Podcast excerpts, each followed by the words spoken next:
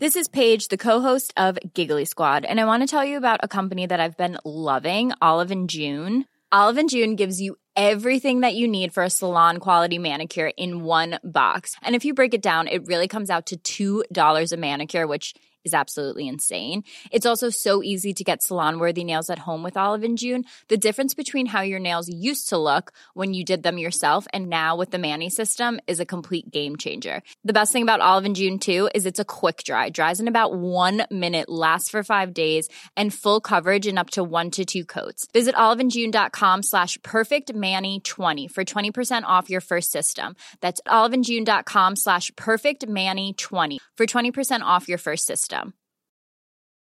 Hi, I'm Daniel, founder of Pretty Litter. Did you know cats tend to hide symptoms of sickness and pain? I learned this the hard way after losing my cat, Gingy. So I created Pretty Litter, a health monitoring litter that helps detect early signs of illness by changing colors, saving you money and potentially your cat's life. Pretty Litter is veterinarian developed, and it's the easiest way to keep tabs on your fur baby's health right at home. Go to prettylitter.com and use code ACAST for 20% off your first order and a free cat toy. Terms and conditions apply. See site for details. Hiring for your small business? If you're not looking for professionals on LinkedIn, you're looking in the wrong place. That's like looking for your car keys in a fish tank.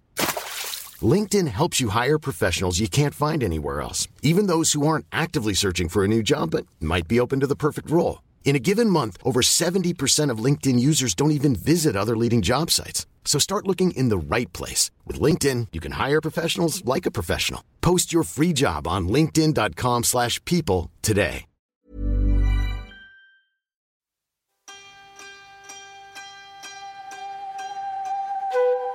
Hej och välkomna till Psykologsnack, podden där vi pratar om psykologi, psykisk hälsa och ohälsa. Och vi som har podden är legitimerade psykologer och jag heter Åsa. Och jag heter Sandra. Och det här är ju årets första avsnitt som vi spelar Mm. in. Det känns väldigt spännande och kul och vi har ju varit lediga från både podden och våra vanliga jobb Mm. under hela jul och nyårshelgerna. Ja, ja, det har varit väldigt skönt Ja, faktiskt. Men också lite skönt att komma tillbaka. Till rutinerna. Ja, Ja. det kändes som en lång ledighet ändå. Mm, Ja, Kanske skönt. också för att i och med alla restriktioner som är, Mm. man har inte kunnat vara social på samma sätt och så, så har det varit, tycker jag, lättare att så här kanske gå ner i varv och Mm. få en annan typ av återhämtning också. Mm. Ja, ja, verkligen. Det kändes som redan efter den första julveckan där så var, var jag i alla fall ganska avslappnad och lugn. Eh, Men sen gick det kanske lite över till rastlöshet där efter nyår. Mm. Men det kan också vara skönt, för jag kan tycka att det är i de pauserna när man är ledig och får känna den där rastlösheten som också lust och eh, kreativitet Mm. föds och nya tankar och nya idéer. För det orkar liksom inte min hjärna i alla fall med när jag är mitt i en termin och jobbar mycket och det är mycket saker och sådär. Nej, men man får ju det där lilla utrymmet att, att bara vara. Och, att, ja, och, och då finns det ju faktiskt förutsättningar för att känna lite inspiration och lite engagemang. Och, eh, så så att, ja, jag håller med. Är Har du, eh, apropå det, har du några nyårsluften eller nyårsutmaningar eller så? Ja, jag var lite sen på den bollen i år faktiskt. Men jag kände att jag behövde, behövde liksom få landa lite i men vad är det jag ska göra med det här året egentligen. Eh, ja, jag som alla andra hade väl ett ganska konstigt förra år. Eh, så, men jag har liksom mer områden som jag skulle säga kanske är lite mer utifrån om man tänker värderad riktning som vi har pratat om i något avsnitt. Så de är inte sådär superkonkreta, så jag kan, det är kanske lite bakläxa. Jag ska försöka konkretisera några av dem lite mer så att det är lite lättare. Men de är ganska sådär mera riktningar just nu inom både ja, men, arbete, fritid, hälsa. Ehm, men ja, jag har liksom haft som ambition att inte ha sådär äh, liksom mål som känns kravfyllda eller som känns att det blir jobbigt. Utan det ska vara liksom någonting som, som, som jag mår bra av, som jag verkligen vill. Så ett- kanske, oh, förlåt. Mm, nej, men ett är kanske bara att vara mer ute i naturen till exempel. Allt från att åka skidor, ta promenader och sådär. Men inte jättetydligt hur mycket, utan bara så här att när jag kan ta vara på den tiden och göra det. Och kanske när man ställs inför en situation där man har möjlighet att så välja. Att ska jag välja att vara inne här eller att eh, gå ut på stan. Mm, Eller mm, nej, men jag kanske faktiskt väljer att gå ut i naturen för att det är i enlighet med mina Mm, värderingar och vad jag vill och må bra av och så. Mm, precis. Så jag tror, ja, det är nog på det sättet jag har tagit mig an det. Just att, att eh, aktivt liksom identifiera vad är det jag vill göra med min tid. Så.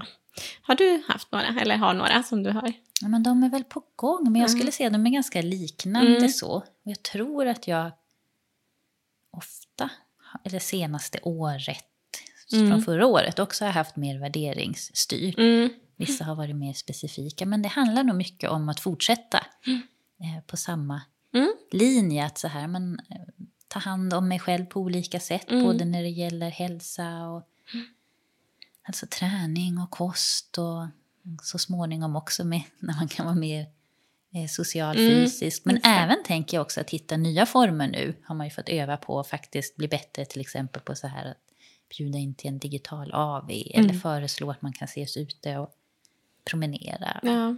göra sådana saker. Mm. Mm, men att eh, ja, följa min värderade riktning, det är nog det som det handlar mycket om. Ja, jag, ja det, det är viktigt. Och jag har nog känt också att just förra året har gjort att ja, men liksom energinivån har gått ner lite. Så även fast jag vet som, vad, som har varit, vad som är viktigt för mig så har det varit lite svårt att ta sig, liksom, verkligen ta sig för att göra de sakerna. För att man behöver göra dem lite på ett nytt sätt som du säger. Så det har känts lite så här... pff. Ja. Men nu, nu har jag de målen, eller riktningarna i alla fall, identifierade. Spännande. Mm. Ja, och nu ska vi alldeles strax gå vidare till det som kommer vara dagens tema. Ja. Vi ska ju prata om ADHD i arbetslivet.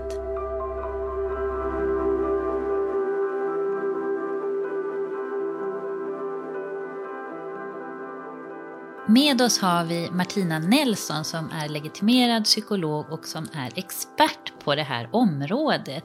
Varmt välkommen Martina! Tack så jättemycket, det är jättekul att vara här. Ja, vi är så glada att du vill gästa oss. Hur kommer det sig att du är intresserad av det här ämnet ADHD på jobbet eller ADHD i arbetslivet?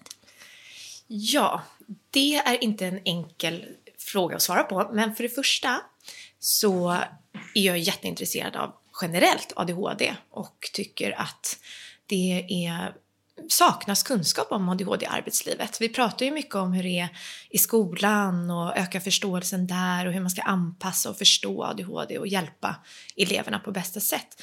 Men jag tycker att vi pratar alldeles för lite om det i arbetslivet. Och det är ju också så att jag träffar ju fantastiska personer som har ADHD men som av olika anledningar inte får att fungera och då har ju arbetslivet en väldigt stor och viktig liksom, roll i det här. För vi ägnar ju jättemånga timmar på arbetsplatsen. Men jag tycker att vi pratar för lite om det. Och, och jag vet ju också att det är väldigt betydelsefullt och helt avgörande eh, att ha en ledare, chef eller kollegor som verkligen förstår eh, när man har en diagnos. Så därför vill jag sprida kunskap om det här. Och intresserad. Vad bra. Och du sa ju det här just med att man pratar inte så mycket om det när det gäller just arbetslivet. Medan men, har man ADHD så tänker man ju mycket på det här med anpassningar i skolan och så. Men hur kommer det sig att, att man inte pratar om det så mycket just när det gäller arbetslivet? Ja, jag tänker så här. Förr trodde man ju faktiskt att ADHD bara var en diagnos hos barn. Och det har ju funnits och pratats om i litteraturen jättelänge. Men det är faktiskt först på ja, men runt 1980-talet som man började egentligen förstå och eh, också klassificera ADHD hos vuxna. Och därför tänker jag att ja, men arbetslivet ligger lite efter kunskapsmässigt i och med att man har pratat om det hos barn så himla länge. Så det är en sak, men sen tänker jag att det andra är att ADHD inte alltid märks lika tydligt hos vuxna i Ja, och det beror ju delvis på att man eh, vuxna kanske utvecklar olika, som vi brukar säga, kompensatoriska strategier som innebär att man till exempel dubbelkollar, man kontrollerar sina uppgifter, man tar hem jobb, sitter kvällar, helger, man gör liksom allt för att dölja sina svårigheter. Det är en del så att det syns inte lika mycket och också eh, ser vi ju att den här hyperaktiviteten hos barn tenderar att kunna bli mer av en inre rastlöshet och mer så här, subtil rastlöshet. Att man sitter och pillar med saker, ehm, så det syns inte lika mycket. Sen är det ytterligare en sak och det handlar ju om det här att många vågar inte prata om det. Och det beror ju ofta på att man har kanske en rädsla för konsekvenserna av att berätta om att man har ADHD. Och det kan ju handla om både diskriminering, eh, stigmatisering, alltså att man inte kanske får ett visst jobb eller till, alltså tilldelas olika arbetsuppgifter. Och sen också en rädsla för att bli missförstådd. Att eh, kanske bli bemött med ifrågasättande kommentarer. Till exempel, men har du ADHD, du som är så organiserad och strukturerad och presterar så bra. Mm. Vad brukar du ge för eh, rekommendationer eller tips till personer, vuxna personer då, som får en ADHD-diagnos gällande det här att berätta för sin arbetsgivare eller inte berätta? Det första är att jag brukar säga att vänta lite och fundera hur du vill göra. För fortfarande är det ganska, och så vill vi inte att det ska vara, men att det finns ju okunskap. Folk vet inte riktigt exakt vad det innebär att ha ADHD och man har kanske förutfattade meningar. Så jag brukar säga vänta lite och fundera. Väg för och nackdelar. Eh, ska jag berätta? Vad kan det leda till? Också, så det finns ju inga generella råd utan man måste förstå utifrån den situationen som personen befinner sig i. För det handlar ju om också hur organisationen, om de har kunskapen och hur de kan ta emot det. Så vad skulle du säga är möjliga liksom, för och nackdelar att berätta för sin arbetsgivare? Fördelarna är ju absolut att man kanske får en ökad förståelse från arbetsgivare som kan handla om att man då kanske inte blir ifrågasatt om det är så att man ena veckan kanske presterar på topp och det fungerar jättebra medan andra veckan är man helt utslagen och orkar inte göra lika mycket. Så att det inte blir att man kanske uppfattas som en person som är lat eller bara struntar i saker eller sådär. Så det finns ju mycket fördel att man ska kunna få rätt eh, anpassningar och hjälp. Och sen nackdelar skulle väl då kunna vara egentligen att man inte blir förstådd, att den här kunskapen inte finns så att man istället blir bemött med att man kanske plockar bort arbetsuppgifter och inte tror att man klarar av vissa saker eller ja, så. Hur vanligt är det då, eh, liksom bland den arbetande befolkningen, eh, att det, eh, man har ADHD? Ja, för det första så vet vi att omkring 3% av alla vuxna har en ADHD-diagnos. Och vi kan också säga att det är väldigt vanligt med en, eh, alltså att ha ADHD i arbetslivet. Men det är svårt att säga exakt hur många eftersom att jag tänker att mörkertalet är så himla stort. Och det beror ju dels på att många försöker dölja sina svårigheter och kompensera på olika sätt som vi pratade om tidigare. Men också att det faktiskt fortfarande finns många som inte får rätt diagnos. Att man har andra förklaringsmodeller till personens problem. Ja, men utmattning, ja, men den här personen har ju så mycket annat. Eh, det är ju så mycket hemma och det är kompisar och det är eh, aktiviteter och sådär. Så att, eh, men en sak, jag läste faktiskt en rapport från Socialstyrelsen som har skrivit 2019 konsekvenser för personer med ADHD, vuxna. Och där Eh, visar ju de på att personer med ADHD som inte har jobb är betydligt större än personer som inte har en diagnos. Så det är många som går utan arbete och det tycker jag är jätteviktigt att lyfta upp. Och jag har faktiskt tagit med mig de här siffrorna för jag tycker de är ganska intressanta. Att titta närmare på vad, vad det här beror på och så. Eh, och då kunde då Socialstyrelsen kon konstatera att genom att följa en grupp personer med ADHD att 40 av männen och 36% av kvinnorna hade ett arbete. Det är ju jättelite. Mm. Och sen i kontrollgruppen, det vill säga de som inte har en diagnos, så hade 80% av männen och 74% av kvinnorna ett arbete. Mm. Så det tycker jag att man behöver lyfta fram och prata mer om.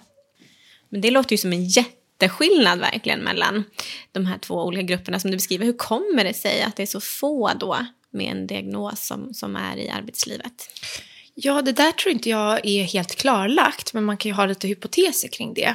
Och dels kan det ju handla om men, att man har väldigt stor samsjuklighet, alltså att man är sjukskriven för återkommande utmattning, ångest, depressioner och så. Men sen kan det också handla om att man faktiskt inte klarar av arbetsuppgifterna för att det inte finns den här kunskapen. Så att man till exempel kommer sent, man lämnar inte in i tid, man gör inte det som man förväntas göra och då blir det ju svårt för konkurrensen på arbetsmarknaden är ju så stor.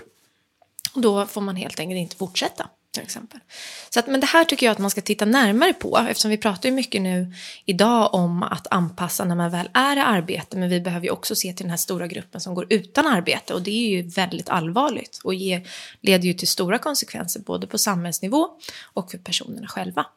Mm, ja, det är jätteviktigt. Jag tänker oavsett om man har en diagnos eller inte så blir det ju så viktigt det här med erfarenhet av arbetet. Har man väl hamnat utanför så har man ju sett siffror på att det är ännu svårare att komma in i det. Mm. Så jag kan tänka mig att vissa av de här instegsjobben där det blir viktigt med att eh, komma i tid eller följa liksom en viss struktur väldigt tydligt. Att klarar man inte av dem och hamnar utanför där, men då blir det ännu svårare att få ett jobb senare också. Mm.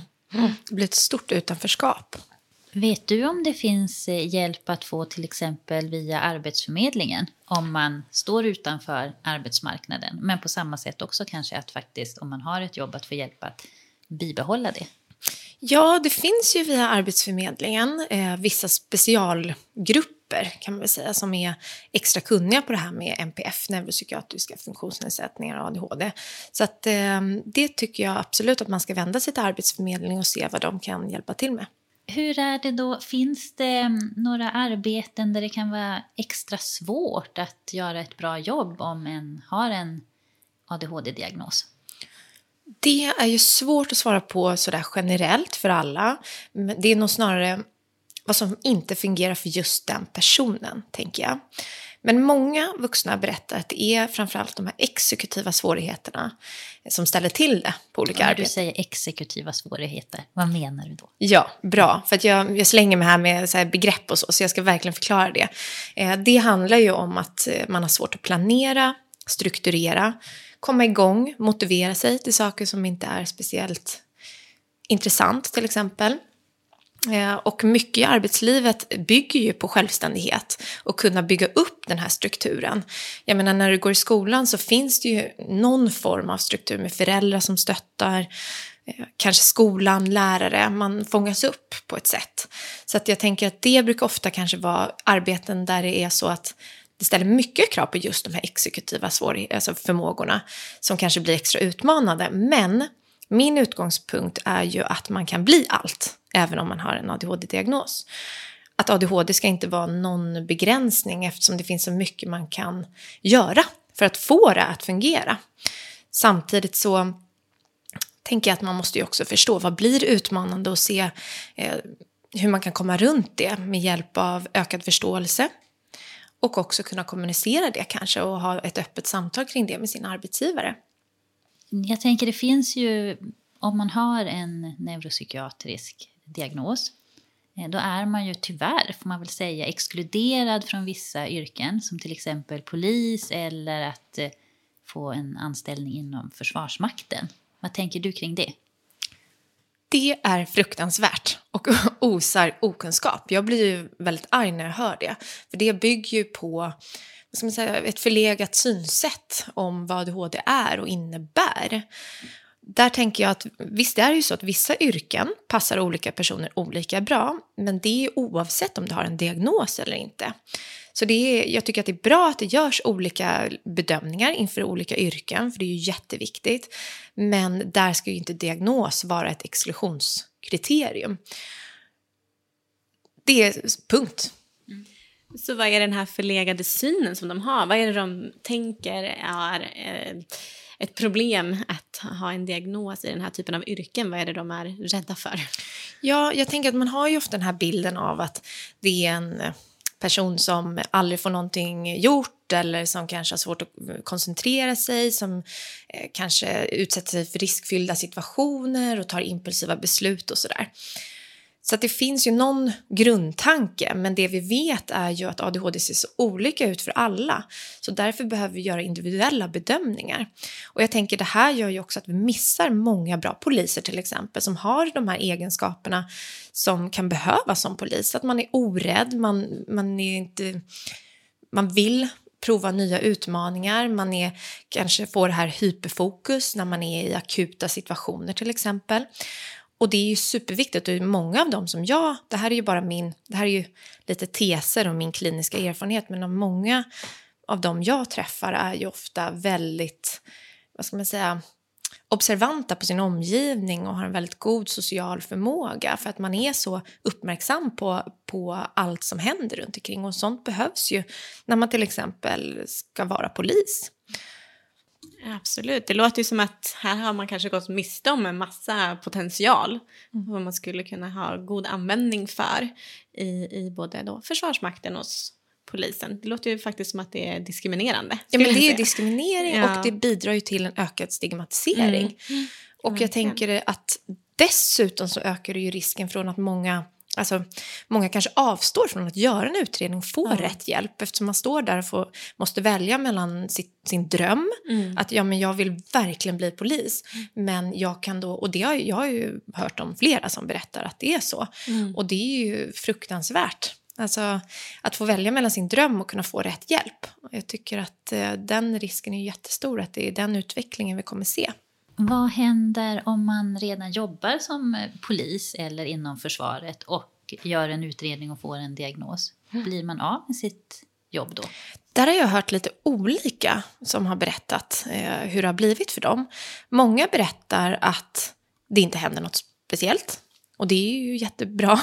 Sen har jag faktiskt hört vissa som berättat att de inte fått fortsätta sitt arbete. Så att ja, det är väldigt olika men eh, ja, det är ju också en fråga om hur vill man är och berätta om det på arbetsplatsen. Jag tror många inte då berättar helt enkelt att man har det. För det, de, det sker ju ingen kontinuerlig kontroll av det. Betyder det att man inte har något, att man har en skyldighet att berätta om en, en, en diagnos? Nej, det har man inte då. Eh, jag läste en artikel här, jag tror att det var igår, eller den här veckan i alla fall, kring att nu är det en polis som har gjort en anmälan till diskrimineringsombudsmannen, mm. hoppas jag sa rätt nu, mm. just kring det här. Mm. Att det är diskriminerande. Mm. Så det verkar ju ändå som att kanske inte händer någonting. Och ja. i samma artikel såg jag att de eh, kommenterade från försvarets sida också att de skulle tillsätta en utredning. Mm. Det tycker jag är jättebra och det visar ju på vilken styrka det är att vi börjar prata om de här sakerna och börja sprida den här kunskapen, att det faktiskt börjar hända saker. Så jag hoppas, precis, det var ju den där anmälan där för att man inte hade eh, ja, man helt enkelt uteslöts från att kunna bli antagen eh, för, till polisutbildningen. Vilka utmaningar kan en person med ADHD möta ute i arbetslivet? Jag brukar prata om både synliga och osynliga problem. Eh, för att inte glömma alla de som försöker aktivt dölja sina svårigheter genom att, ja men kanske, ja men det beror ju på att man känner skuld, skam, man kanske skäms, man vill ändå prestera eh, och till varje pris undvika att bli ifrågasatt eller bedömd på olika sätt. Så att Eh, jag tänker att det osynliga får vi inte glömma, de som har de här svårigheterna. Men sen har vi också de här synliga svårigheterna som handlar om att man kanske lämnar in saker för sent, man gör saker i sista stund, man missar tider, kommer sent till möten, man missar information som, ehm, som sägs på möten till exempel, eller i samtal med kollegor och sådär. Sen brukar jag prata om regleringssvårigheter som är liksom kärnan i ADHD. Att man har svårt att reglera aktivitetsnivå som kan handla om att man ena veckan presterar på topp och gör liksom hur mycket som helst medan andra veckan kanske man faktiskt totalt är sängliggandes och inte får någonting gjort.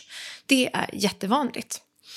Men också det här att man lätt blir uttråkad, man kanske byter jobb väldigt ofta fast man egentligen vill ha den här stabiliteten och bara landa i att, att ha en trygghet. Så att det blir liksom och det beror ju ofta på att man har en liksom, inre rastlöshet och vill prova nytt hela tiden.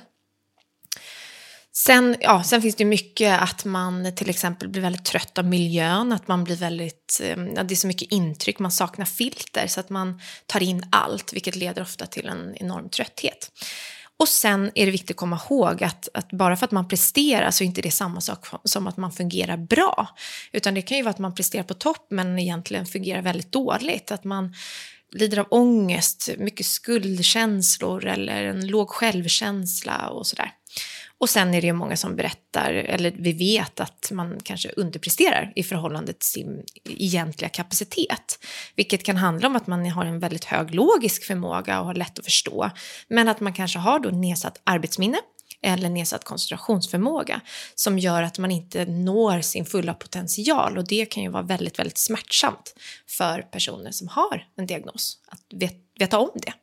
Och jag tänker också att energin kanske inte räcker till Mm. till övriga livet. Ja, just För det. att all energi går åt till arbetet Mm. och att prestera och hålla ihop där. Ja, men jätteviktigt att du tog upp det. För det är ju hela tiden att se bakom. Okej, men du klarar dina arbetsuppgifter. Men sen finns det ju så många som så här, ja, men vad, på bekostnad av vad? Har ingen ork över att träffa vänner, man gör inget på fritiden, man sitter med arbetsuppgifter 24-7. Så att det är hela tiden att se bakom. Vad står så? Det var ju någonting vi pratade också med er kollega Lotta om när det gällde just eh, kvinnor och tjejer. Just att ja, men ofta så, så det man ser, det, vill säga det här synliga är att ja, men det funkar bra, prestationen är bra men funktionen kanske inte alltid är så bra om man ser över hela eh, personens liv eller så. Jag tänker, det, är ju, det är ju jätteviktigt att bara för att det man ser här och nu behöver inte betyda att, att den här personen mår jämt bra. Så. Nej. Nej, men precis. Jätteviktigt. Ska bara inflika att Lotta är ju Lotta Borg Skoglund som har skrivit boken Från duktig flicka till utbränd kvinna om ADHD hos flickor och kvinnor. Just det. Och den är så bra. Och jag tänker också att där får vi inte heller glömma att det också finns ju såklart män som har den här typen av kompensatoriska strategier och vill vara duktiga och sådär. Så att eh, ja, den rekommenderas verkligen att läsa. Vad är då viktiga faktorer eh, från arbetsgivarens sida eller arbetsplatsens sida? Vad kan de bidra med för att det ska bli en så bra arbetsmiljö och så bra förutsättningar som möjligt för personen med ADHD? Då? Ja, nej men då tänker jag att det första handlar ju om att förstå hur komplext ADHD är. Att det, att det fungerar, alltså att det tar sig olika uttryck hos olika personer. Så vi behöver få bort den här stereotypa eh, bilden av vad ADHD innebär. Och jag tänker att steg ett, lyssna och försöka förstå hur det blir för just den här personen.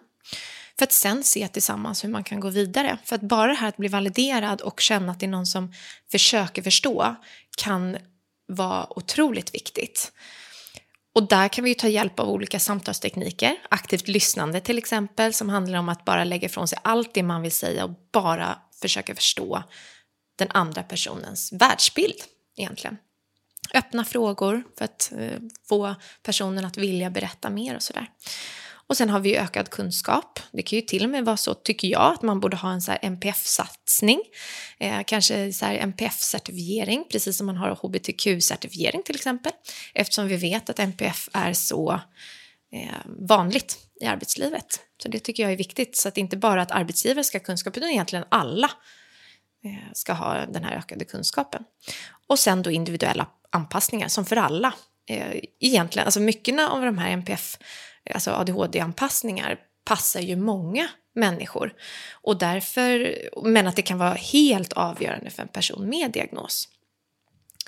Och jag brukar prata om en stödjande struktur som handlar mycket om det här med att ha en ökad tydlighet. I skolan pratar man ju lite om det här med tydliggör, tydliggörande pedagogik som handlar om att kunna besvara frågorna vad, när, hur, varför och vad händer sen? Redan innan en person påbörjar en uppgift. Och jag tycker att vi kan plocka mycket från den tydliggörande pedagogiken även in i arbetslivet. Ja, alltså, ja verkligen. Alla de här sakerna som du säger är ju viktiga, precis som du är inne på, för alla. Att saker som, som är en anpassning för en person med en diagnos är saker som även alla, de flesta andra också skulle må bra av. Eh, just det här med strukturen och tydligheten, det är ju någonting som jag tror de flesta kan må bra av. Sen kan det ju vara olika när det gäller kanske, du var inne på det här lite med att, att det var, man tar in väldigt mycket. Så där kan jag tänka mig att det blir väldigt olika och så är det ju för andra också. Att Trivs man bra i en miljö i ett öppet landskap till exempel eller behöver man ha ett eget kontor? Är det någonting som, som du ser är vanlig, eh, liksom ett vanligt behov eh, för personer med ADHD-diagnos? Att de har ett behov av en viss typ av fysisk miljö? Nej men absolut, jag tänker att vi, vi behöver tänka på de olika delarna. Och där är det ju vanligt att många med ADHD har svårt att jobba i öppna landskap för att man saknar det här filtret att stänga av alla intryck. Det behöver inte vara ljud, det behöver inte, det kan ju vara rörelser eller när någon, eh, ja men att man tar in allting runt omkring och då brukar ju öppet landskap vara eh, extra utmanande. Så. Så att jag tänker miljön finns det ju mycket och, och, där brukar jag prata om vad kan arbetsgivaren hjälpa till med, vad har de för ansvar? Och arbetsgivaren har ju i uppgift, eh, eller ett ansvar för att medarbetarens arbetsuppgifter ska vara möjliga att genomföra och att personen ska må bra.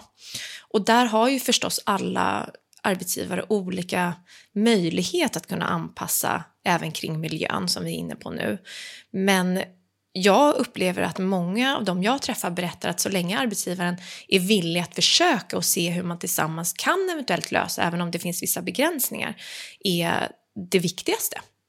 Var kan man vända sig eller hur kan man om man nu är en arbetsgivare eller en chef som lyssnar på det här och tänker så här, ah, men jag kan inte så mycket, men jag skulle gärna vilja lära, sig, lära mig mer om det här. Mm. Vad kan man göra då? Eh, du menar alltså lära sig mer om ADHD? Och så? ADHD och ADHD i arbetslivet, hur man kan mm. stötta mm. Eh, sin, sina medarbetare. Mm. Jag tänker absolut att gå kurser eh, lära sig mer om vad det här är och innebär.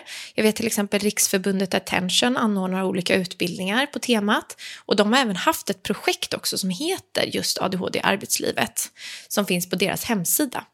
Sen finns det till exempel Natur och kultur har ju ett utbildningspaket och en kurs som heter ADHD i arbetslivet som eh, är skapad av Katarina Sörngård som har skrivit ADHD-hjälpen. Sen är det ju också så att vi eh, jag jobbar på Smart psykiatri och vi håller på att utveckla en utbildning som riktar sig till ledare om att leda personer med ADHD som jag tror kommer vara jätteviktig och behövlig. Och sen eh, framför allt också att prata med medarbetaren och fråga vad blir svårt för just dig? Och det gäller ju alla. Ja, det här aktiva lyssnandet som du mm. tipsade om där, det, det känns ju som A och O. Mm. Oavsett, ja, men ska man erbjuda en arbetsmiljö som skapar goda förutsättningar för en person att prestera i sitt arbete så är det det som krävs. Mm. Oavsett diagnos eller inte. Mm. Så där tror jag att många ledare och chefer och arbetsgivare bara behöver ta sig tiden att mm aktivt lyssna. Så. Ja, och jag har lite andra grejer. För att vi var inne lite på det så här. Men, tydlighet har vi pratat om. Men också som brukar vara jättehjälpsamt är ju det här med regelbundna avstämningar och tillgänglighet. Och det där, vad innebär tillgänglighet? Det kan ju vara, låt säga att det är en arbetsgivare som säger men min dörr är öppen, det är bara att komma när, när du behöver. Det brukar ju vara jättebra. Men istället så kan det vara att man har, är mer proaktiv som, som ledare till exempel. Att man, ja men vi ses på torsdag klockan nio. Så. Istället för det, det vi ser är att det är många som, ja men det där fallerar, man tar inte den där kontakten. Sen plötsligt har det gått tre veckor så har man inte haft den här uppföljningen. Trots att man som ledare kanske tänker att ja, men jag, jag är ju tillgänglig och jag har sagt att jag alltid finns där. Eh, så regelbundna avstämningar eh, och tillgänglighet men också tydliga ramar för ja, men vad förväntas jag göra, inom hur mycket, eh, inom vilka tidsramar och också en flexibilitet. För finns det den tydligheten så kan det också finnas en flexibilitet i hur man vill lägga upp det. För det upplever jag att många med ADHD berättar för mig att man vill ha en flexibilitet och kunna lägga upp det utifrån sina energinivåer till exempel. Ja, men att det kanske inte, ja, men mellan 8 och 9 på morgonen är inte min höjdpunkt på dagen. Så då kanske det är så att man, ja men jag jobbar bättre på kvällen och, och då är det helt okej. Okay. För jag har ju stött på att det är många som berättar att det finns ganska fyrkantiga eh, strukturer inom organisationen, men vi gör så bara för att ja, men vi gör så bara för att. Ja, bara det är ju, kan man ju ifrågasätta. Men också att så här, men om du ska så ska alla. Och vad är fel med det? Då, då kanske det funkar superbra. Och då kanske det är vissa som kommer åtta på morgonen och så är det vissa som kommer vid elva på, på kvällen, höll på att säga. Det kanske man inte gör. Helt ja. ja, nej men eh, elva på förmiddagen liksom. Eh, så att lite lägga ansvaret hos personen. Och sen är det såklart att, och då hjälper ju också de här regelbundna avstämningarna också så att det inte är någon som helt fladdrar iväg. Det här är väldigt intressant när du, när du nämner det. För alla mina arbetsplatser som jag har varit på så ligger de här viktiga mötena mm. som är kanske arbetsplatsmöten eller veckomöten. Så de ligger ju alltid innan klockan nio på morgonen. Ja. De är ju de här, det ja, känner jag igen. Så här, kvart över åtta, halv mm. nio. Mm. Och så kanske på en måndag också när man inte riktigt har kanske mm. kommit igång i sin veckostruktur. Liksom, det, där, ja, det där har jag verkligen tänkt på. Är det den bästa tiden att lägga det på? Jag undrar också, och det kan ju sabba en hel dag för en person med diagnos. Alltså det kan ju verkligen störa sömnen för att man somnar senare på kvällen, man är trött på morgonen och det kan påverka resten av veckan. Det ser vi ju, så att jag tycker verkligen man ska tänka till där. Nu är det ju speciella eh, tider som påverkar oss alla. Jag tänker i och med den här eh, coronapandemin. Eh, finns det några särskilda utmaningar eller kanske också för den delen fördelar eh, om man har en ADHD-diagnos? Ja, det, det är ju också återigen eh, både och. För vissa är det bra, för andra inte. Men många med ADHD har ju svårt att själva skapa den här strukturen och där har ju arbetsplatsen kanske varit helt avgörande. Det vill säga att man har någonstans att gå, det finns ändå någon typ av struktur.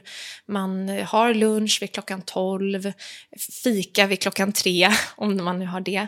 Så att det där försvinner ju i och med corona och hemarbete.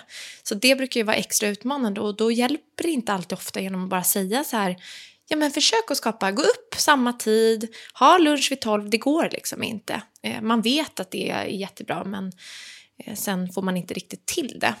Så där tänker jag, i de lägena så kanske det är extra viktigt att man faktiskt som ledare bokar, upp, alltså bokar in fler avstämningar, uppstartsmöten på morgonen, inte kanske så tidigt, men eh, så att alla kommer igång. Eh, så.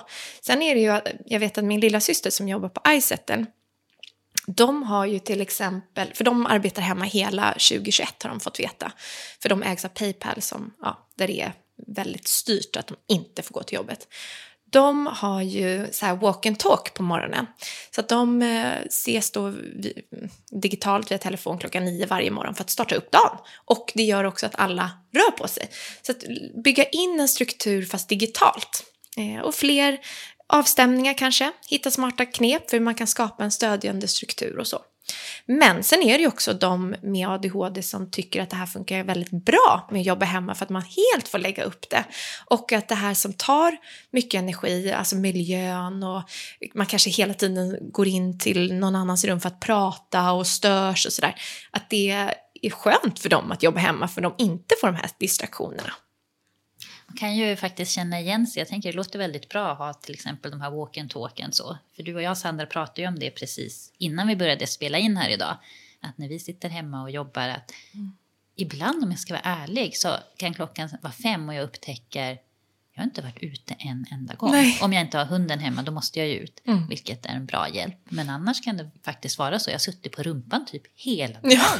Ja. Fast jag vet att jag mår bättre av att mm. vara uppe och röra på mig och ta lite mer pauser. Så det var ett, ett bra tips där. Ja, men verkligen. Och nu igen pratar jag om min lilla syster här, men hon, i och med att hon ändå fått det här beskedet att hon ska vara hemma så länge, så är det, hon startar ju dagen som om hon ska gå till jobbet. Och nästan så här lura sig själv. Jag ska till jobbet, som går upp, sminkar sig, duschar, för jag fastnar i det här när jag jobbar hemma, att jag inte ens jag men knappt byter om liksom.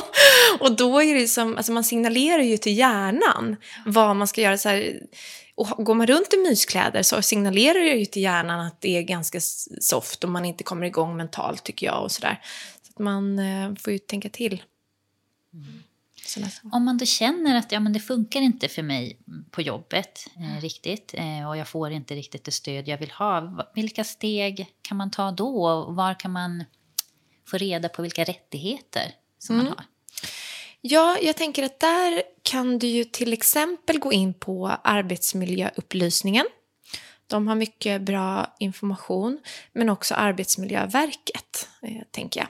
Och sen är det ju att vända sig till sin närmsta chef, eh, eller också om det finns företagshälsovård man skulle kunna prata med. Och sen är det ju mycket du kan göra på egen hand. Och det handlar ju, tycker jag, mycket om att försöka prata med andra som är i samma situation. Det kan vara att alltså, dela erfarenheter och tips med varandra. Och det kan du ju göra via olika intresseorganisationer till exempel. Mentorskap. Vi på Smart har ju till exempel mentor eh, och, som man kan vända sig till, men det finns ju också grupper i alltså, sociala medier och sådär. Och att lära sig mer själv om sin funktion för att också kunna kommunicera sina behov till andra. Och det är ju inte alltid så lätt eh, förstås. Men, men ett första steg är ju ändå att försöka läsa på, läsa mer om, men också komma ihåg att det ser olika ut. Så att även om jag läser om ADHD i en bok och så här, nej men så är det inte för mig, att förstå att det kan vara på olika sätt. Eh, och be om hjälp. Vad... För jag, jag hör ju många som berättar att jag klarar av, jag kan göra allting, men det tar så enormt mycket energi. Och att hela tiden väga det mot, alltså egentligen vad det kostar, mot hur viktigt det är, om man nu ska säga, och vad kan jag be andra göra som kanske till och med är bättre på det? Men skulle du som är jättebra på organisation kunna boka den här tågbiljetten till mig till exempel? Ja, men självklart. Och så är det någon som tycker det är jättekul, så man kan se lite vart ligger styrkor och vad är utmaningar och hur kan vi eh, sprida det på flera runt om oss. Ni som träffar, eller framförallt du då kanske Martina, som träffar mm. personer med ADHD och som är ute i arbetslivet, vad är deras erfarenheter av att eh, lyfta sina liksom, behov då, om man nu har tagit sig den funderingen. Men vad är det jag behöver för att fungera bra i arbetslivet? Vad, hur, hur blir de bemötta av sina arbetsgivare och kollegor? Det är så olika, men det centrala där handlar ju om... Alltså, jag upplever utifrån de som jag träffar att de som har fått en positiv upplevelse har ju handlat om ledaren som tar emot budskapet. Alltså, och då kan det vara ofta, tycker jag, att person, alltså ledare som tar emot det väldigt bra är de som kanske har någon i sin närhet som också har en diagnos. För de har ju lärt sig och förstått och eh, eh Ehm, är villiga att lyssna och ta till sig. Så att, eh, men sen eh, har jag också träffat de som bara blir bemötta på helt andra sätt. Jag vet att det var till och med inom Arbetsförmedlingen faktiskt, där det var någon som sa att men, eh, okay, men berätta inte helst om att du har en diagnos nu när du söker det här arbetet för att ja, men det, kan man kalla det något annat så att det inte låter så laddat? Och det där blir ju bara så här, jag, man blir ju upprörd när man hör det. Samtidigt så är ju det kanske verkligheten på vissa arbetsplatser, att man blir utsållad på grund av det. Så att varierat, positivt men också vissa som får det tufft. Om man nu har då berättat för sin arbetsgivare och sen kanske inte eh, får så bra bemötande eller får det stöd och de anpassningar som man behöver. Vilka konsekvenser kan det få för individen? Det kan ju få enorma konsekvenser. Eh, man kan ju se att personernas svårigheter och tilläggsproblem blir fler och fler. Så, om man inte får rätt stöd och anpassning. Och vi har pratat lite om det här med psykiatrisk samsjuklighet. Alltså att du kan utveckla depression, ångest, beroendeproblem för att kunna känna någon typ av avslappning. Så. Eh, men också återkommande sjukskrivningar, kanske långtidssjukskrivningar. Men också ökad risk för olika kroppsliga tillstånd som eh, smärtproblematik, diabetes, men också som Socialstyrelsen skriver om underfunktion i sköldkörteln till exempel. Men också, det här är ju, låter ju inte alls kul, men, men också förtida död, alltså självmord till exempel. Mm. Och sen har vi också sociala konsekvenser, både det här med sämre levnadsvillkor, anhöriga drabbas som i sin tur också kanske behöver vård och mår dåligt för att de inte vet hur de ska stötta eh, eller att deras resurser inte räcker till. Och sen också det här som vi var inne på, sociala konsekvenser, att man eh, kanske inte träffar vänner, man hamnar utanför, man mår generellt inte bra. så man förstår ju att det är väldigt viktigt att få tillgång till rätt stöd, hjälp och anpassningar. Och nu, nu avslutar vi kanske, det blir lite dystert här, men eh, vi har ju pratat då om de utmaningar som finns, men finns det kanske till och med några extra fördelar eller så för eh, en arbetsgivare att anställa en person med en ADHD-diagnos? Ja, absolut. Det är klart att vi ska avsluta på topp. Eh, för det är ju så, det är ju teser men också min kliniska erfarenhet att många med ADHD besitter ju sådana egenskaper som gynnar organisationer på olika sätt. Och så är det ju för alla, men jag kan ju se att många med ADHD är ju ofta väldigt kreativa och påhittiga, vilket kan förklaras av att man är väldigt sådär, får mycket tankar på samma gång, eh, att man distra distraheras av sina egna tankar och associationer. Och det gör ju att man blir mer påhittig och kommer på andra sätt att göra saker på och sådär. Så att eh, det är ju så att många med ADHD kanske är eh, entreprenörer, inspiratörer, bra säljare. Eh, så att det, och inspirerande och eh, sådär roliga att umgås med på arbetsplatsen och kan bidra på många olika sätt. Så att det finns väldigt mycket fördelar med att anställa en person med ADHD. Så jag tycker aldrig att det ska vara att, att diagnosen ska hindra. Utan det är precis som andra egenskaper. Vissa saker funkar man bra på, andra saker inte. Och då får man hitta sätt tillsammans i ett samarbete för att kunna se hur man kan komplettera varandra. Då kanske, låt säga Lisa är jättebra på organisation och planering och Kalle är jättebra på att eh, ta de här kundmötena. För att eh, man kan ta saker på volley och man kommer på idéer och man eh, är väldigt pratsam och sådär. Så att, eh, ja. Jag tycker, det där låter väldigt, väldigt bra i mina öron. Jag jobbar mycket med det här med ja, att få fram mest, mm. bästa möjliga liksom, förutsättningar för att varje individ ska kunna liksom, uppnå sin fulla potential. Eh, så att återigen egentligen bara utifrån individ, så här, vad är vad är styrkor och vad är utmaningar och hur kan vi skapa bästa möjliga förutsättningar för att en person ska må bra och mm. prestera och trivas mm. i arbetet. Ja men absolut. Och det tror jag, eller jag är helt övertygad om att ökar vi kunskapen om diagnoser på det här sättet så kommer vi också minska arbetsrelaterad ohälsa och sjukskrivningar. Och det känner ju hela liksom, alltså, samhället på och också förstås den enskilda personen. Men som sagt, när vi pratar om diagnoser så är det ju många som påverkas. Barn, partners, syskon. Så vi har allt att vinna på att förstå det här bättre. Martina, du är ju väldigt eh, aktiv och man får väl säga att du brinner för att sprida kunskap om det här och är aktiv då bland annat i sociala medier. Vill du berätta mer om det om man nu lyssnar på det här och vill få mer av dig och din kunskap? Ja, först och främst så jag och Lotta Borg Skoglund driver en blogg där vi skriver om psykisk ohälsa men också om ADHD och eh, ADHD i arbetslivet. Så där finns det mer som man kan läsa. Och sen har jag ju också startat ADHD på jobbet på Instagram och Facebook där jag upplever att det är en plattform där, de, där man kan dela med sig. Och man tipsar varandra, man berättar om sina erfarenheter, man får igenkänning och sådär. Och sen är jag nu i startgroparna tillsammans med eh, Lotta eh, och vi ska skriva en bok om ADHD på jobbet. Så det känns superkul. Wow, verkligen kul och spännande. Och jag föl vi följer ju dig, ADHD på jobbet. Det är ju mm. ett superbra mm. konto, så det kan vi verkligen tipsa alla våra lyssnare om att om man inte redan följer dig där. Och sen tänker jag, bloggen finns ju på smartpsykiatri.se tror jag. Ja, precis. Slash blogg. B-L-O-G. Så stort tack eh, Martina för att du ville komma hit och gästa oss. Så himla lärorikt och ett viktigt eh, ämne. Mm. Nej, men tack, det har varit jättekul att prata och komma hit och få sprida den här kunskapen mer. Så jag är jättetacksam att ni ville ta emot mig. Som alltid säger vi också tack till Jenny Segerheim som hjälper oss med ljud och klippning av podden. Och tack till Ulf Solulf Svedlund för att vi får låna din musik. Tusen tack!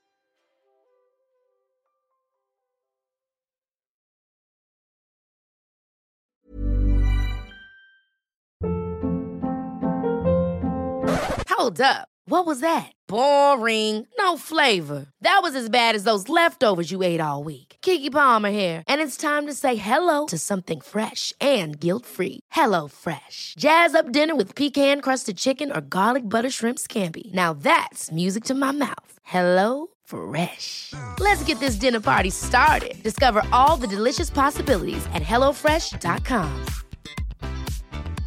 Even when we're on a budget, we still deserve nice things. Quince is a place to scoop up stunning high-end goods for 50 to 80% less than similar brands. They have buttery soft cashmere sweaters starting at $50, luxurious Italian leather bags, and so much more. Plus, Quince only works with factories that use safe, ethical, and responsible manufacturing. Get the high-end goods you'll love without the high price tag with Quince. Go to quince.com/style for free shipping and 365-day returns. Imagine the softest sheets you've ever felt. Now imagine them getting even softer over time. That's what you'll feel with Bowl and Branch's organic cotton sheets. In a recent customer survey, 96% replied that Bowl and Branch sheets get softer with every wash. Start getting your best night's sleep in these sheets that get softer and softer for years to come. Try their sheets with a 30-night guarantee. Plus, get 15% off your first order at bowlandbranch.com. Code BUTTERY. Exclusions apply. See site for details.